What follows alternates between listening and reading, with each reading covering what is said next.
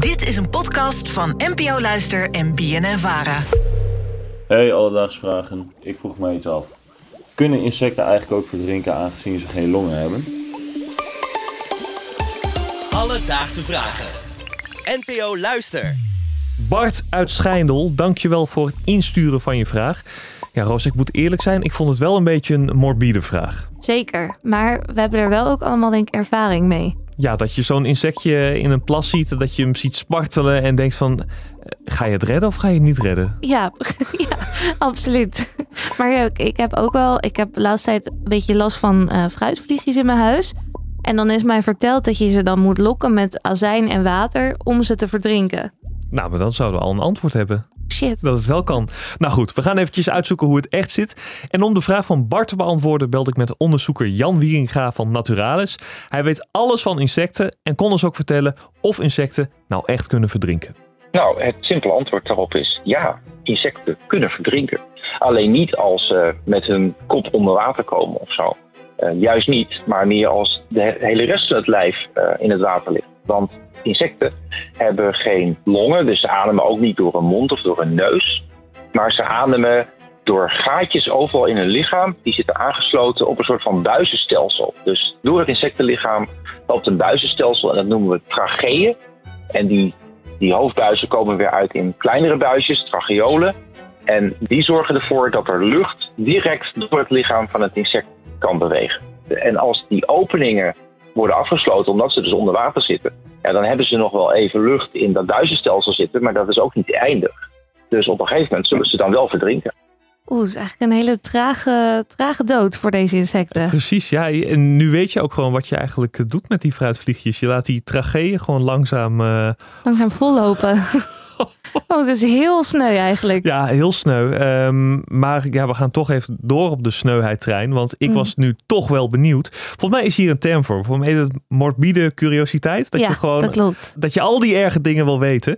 En in die categorie, ik wilde van Jan ook wel weten, hoe lang kan een insect dan in het water leven? Ja, dat hangt er ontzettend vanaf ja, hoe warm het is, wat voor soort insect het is, hoe druk dat insect bezig is. Een vlieg of een, of een wespje wat heel erg snel aan het vliegen is en, en of in ieder geval heel snel spierbeweging aan het maken is, zal heel veel zuurstof verbruiken en die zal dan heel kort, maar eigenlijk zonder aanvullende zuurstof kunnen.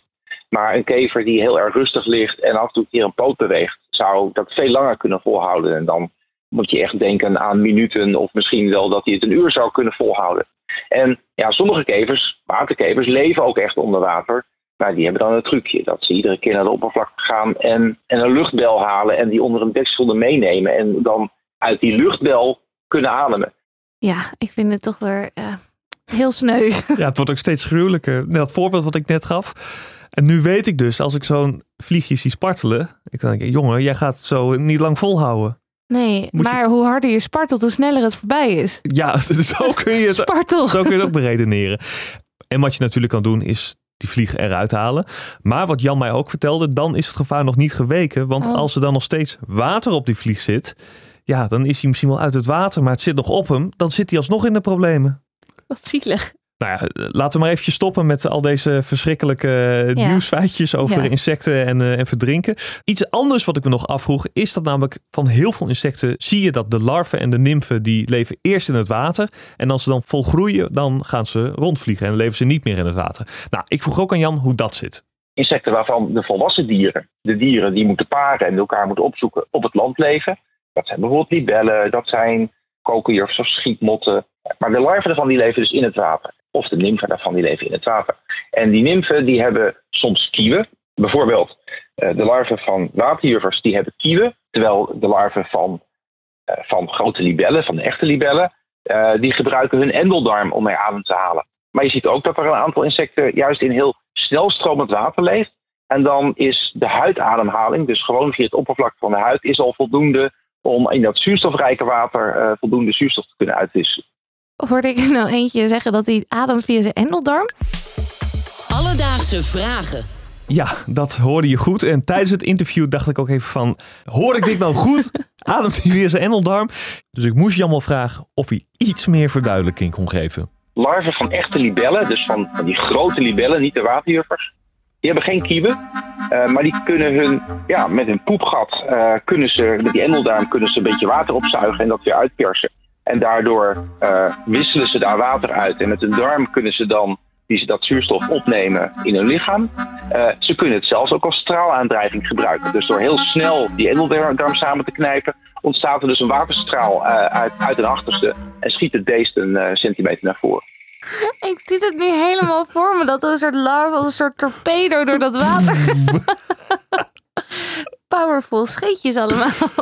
Het zou ook wel vet zijn als je het als mens kan. Dan Dit kun je echt- heel lang onder water blijven en hoef je niet eens meer te zwemmen. Denk, volgende keer als iemand jou de vraag stelt, welke, welke superkracht zou je willen hebben? Dan heb je hier een goed antwoord. Ja, dit, dit. Dus, Bart, vandaag zochten we voor je uit of insecten ook kunnen verdrinken. En het antwoord is ja. Insecten hebben alleen geen longen zoals wij, maar hebben zogeheten tracheeën. Dat zijn hele kleine gaatjes aan de buitenkant van hun panzer, waardoor ze ademen. En als deze vol raken met water, ja, dan verdrinken onze kleine vrienden alsnog. Ach. Heb jij ook een vraag? Stuur ons dan een berichtje op Instagram. Dat kan naar Alledaagse Vragen. Maar je mag ons ook mailen op alledaagsvragen.bnnvara.nl en dan zoek ik het voor je uit. Alledaagse vragen. NPO Luister. BNN Vara.